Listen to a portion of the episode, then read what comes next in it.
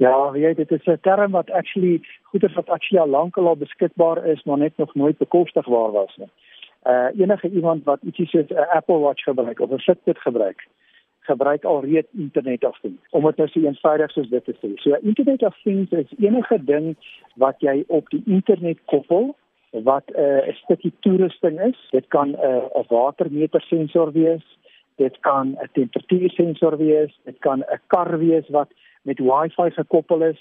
So as ons praat van Internet of Things, dan sê ons letterlik dit is die wêreldwye web wat met mekaar geko gekoppel is met 'n klomp verskillende stukkies toerusting, nie net rekenaars nie.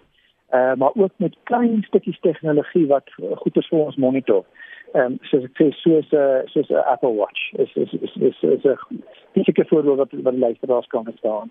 Een van die ander aspekte wat wat daar ook oor gepraat word is wanneer die rekenaars met mekaar praat sonder dat die mens enigsins 'n knoppie hoef te druk of so iets. Is dit iets wat ons binnekort gaan sien?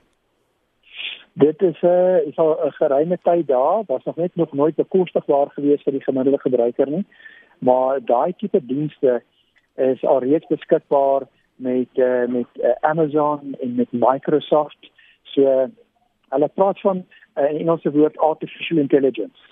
So dit is om 'n klomp data te vat en 'n data kry ons met ander woorde sukses soos 'n foon. En dan trek hy vir ons 'n 'n 'n tendens op wat uh, bepaalde goeders doen. En dan gee hy vir ons moontlike uitkomste van wat uh, wat kan moontlik in die volgende dag of twee of drie gebeur.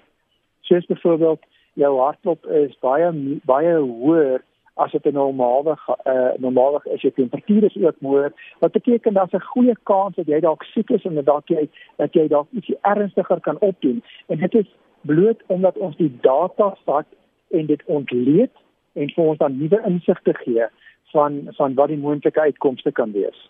Wat 'n impak gaan hierdie op Suid-Afrikaners se lewens hê? Die die die Jan Alleman op straat, soos jy sê, dit was nou nog nie bekostigbaar gewees vir almal nie. Maar wanneer hierdie tegnologie nou um beskikbaar gestel word vir die die alledaagse Suid-Afrikaner, wat 'n impak gaan dit op ons lewens hê binne die volgende 18 maande of of 3 jaar? Daar's drie hoof doelwitte. Hoekom uh Internet of Things uh te voorskyn gekom het en dis die dis die kern waarom dit draai. Sonder dit sal daar nie internet of things wees nie. En die eerste een is hoe kan dit ons help om ons algemene risiko te verlaag? En ander of dit die risiko is van ons liggame of van 'n kar of van 'n stukkie toerusting. So hoe kan dit ons help om risiko te verlaag? Dit so as jy nou dink aan party van die versekeringsmaatskappye wat 'n uh, stukkie toerusting in jou kar sit en op te tel hoe bestuur jy sodat hulle amper vir jou kan help om bietjie veiliger te bestuur.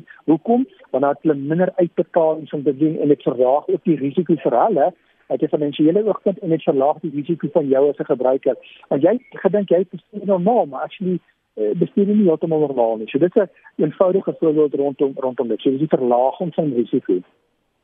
Die tweede belangrike faktor is hoe kan ons hoe kan ons dit ons help om dinge word al hoe duurder.